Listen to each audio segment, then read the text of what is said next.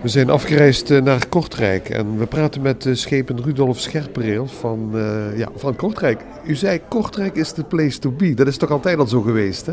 Ja, maar we hebben nu wat meer accenten aan toegevoegd om de toeristen nog beter te gaan aantrekken in onze stad. Ja. En die accenten die liggen op verschillende vlakken. Enerzijds heeft Kortrijk natuurlijk zijn toeristische, uh, zijn historische trekpleisters, maar ook naar innovatie en creativiteit hebben we het een en het ander te bieden. En tenslotte blijft Kortrijk nog altijd een uh, hippe winkelstad.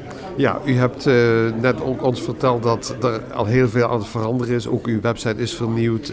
u wilt een grote vernieuwing doorvoeren in een stad die heel historisch is. Dus eigenlijk moeten wij Kortrijk komen beleven. Ja, dat, zou de, de, dat is de beste formule om te doen. Via onze website toerismekortrijk.be kan de bezoeker alle informatie vinden over die drie luiken die ik juist genoemd heb.